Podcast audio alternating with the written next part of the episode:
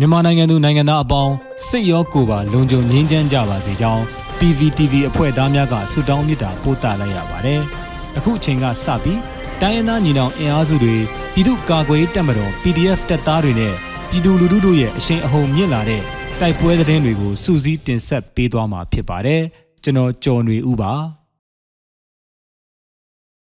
ပထမဦးစွာ သကိုင်းမုံရွာလမ်းမှာစစ်ကားတန်းမိုင်းခွဲခံရမှုစစ်သား15ဦးခန့်တေဆုံးတဲ့တဲ့တင်တင်ဆက်ပါမယ်။သကိုင်းတိုင်းသကိုင်းမုံရွာလမ်းမှာအော်တိုဘာလ2ရက်နနက်ပိုင်းစစ်ကား6စီးပါကားတန်းမိုင်းဆွဲခံရပြီးစစ်သား15ဦးတေဆုံးခဲ့ကြောင်းမြောင်မြို့နယ်ပြည်သူ့ကာကွယ်ရေးတပ် TGR မှဗိုလ်တိုက်ကားထံကသိရပါဗျ။အော်တိုဘာလ2ရက်နေ့နနက်7:00နာရီအချိန်မှာသကိုင်းမှမုံရွာဘက်သို့ထွက်လာတဲ့စစ်ကား6စီးပါရင်နှန်းကိုဂွေးပင်တော်ကြေးရွာနဲ့နက်ရီကန်ကြေးရွာကြားမှာ မိုင်း6လုံးတွဲဖြင့်တိုက်ခိုက်ရာစစ်ကား2စီးစုပ်ပြတ်သက်ပျက်စီးသွားပြီးလူနာတင်ကား2စီးဖြင့်6ဦးဆေးရုံသို့ခေါ်ဆောင်သွားကြောင်းအပြင်းထန်ဒဏ်ရာရရှိမှုများရှိနေပြီးလက်တလောသတင်းရရှိမှုအရစစ်သား15ဦးသေဆုံးကြောင်းဒေသသတင်းရင်းမြစ်ကဆိုပါတယ်ဆက်လက်ပြီးတင်ဆက်မှာကမုံရွာညောင်ဖြူပင်ရဲစခန်းကိုမဟာမိတ် PDF များဝင်တိုက်မှုစစ်ကောင်စီတပ်ဖွဲ့ဝင်10ဦးသေဆုံးတဲ့တဲ့မှာ စကိုင်းတိုင်းမုံရွာမြို့နယ်ညောင်ပင်ဖြူရွာရဲစခန်းကိုမဟာမိတ် PDF တပ်ပေါင်းစုကအော်တိုဘာလ2ရက်နေ့နနက်2နာရီခန့်မှာဝင်ရောက်တိုက်ခိုက်ရာ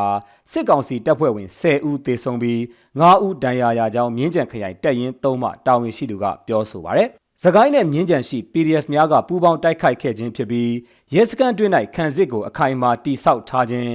မိုးတီးထန်စွာရွာသွန်းခြင်းတို့ကြောင့်စခန်းမသိမ်းနိုင်ခဲ့ခြင်းဖြစ်ကြောင်းမြင်းကြံခရိုင်တပ်ရင်း3တာဝန်ရှိသူကပြောပါရယ်။ ပေါ့မြို့နယ်ဇီးပြားကျေးရွာရဲစခန်းကို PDF တပ်များကဝင်ရောက်တိုက်ခိုက်မှု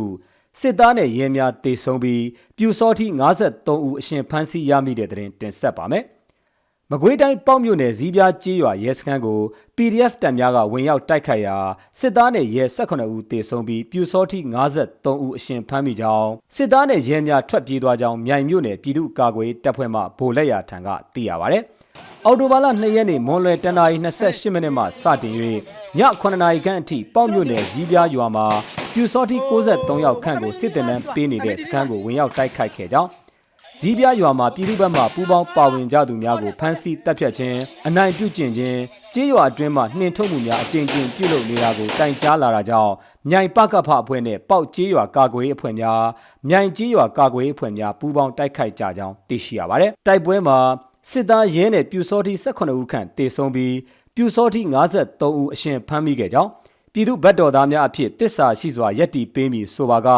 အသက်ကိုစောင့်ရှောက်မှုပေးမည်ဖြစ်ပြီးစစ်တပ်တောက်တိုင်အဖြစ်မရက်တီရန်ဝန်ခံကတိများပြုလုပ်ထားရှိကြောင်းဒေသကာကွယ်တပ်ဖွဲ့ကဆိုပါရယ်ခင်ဗျာ။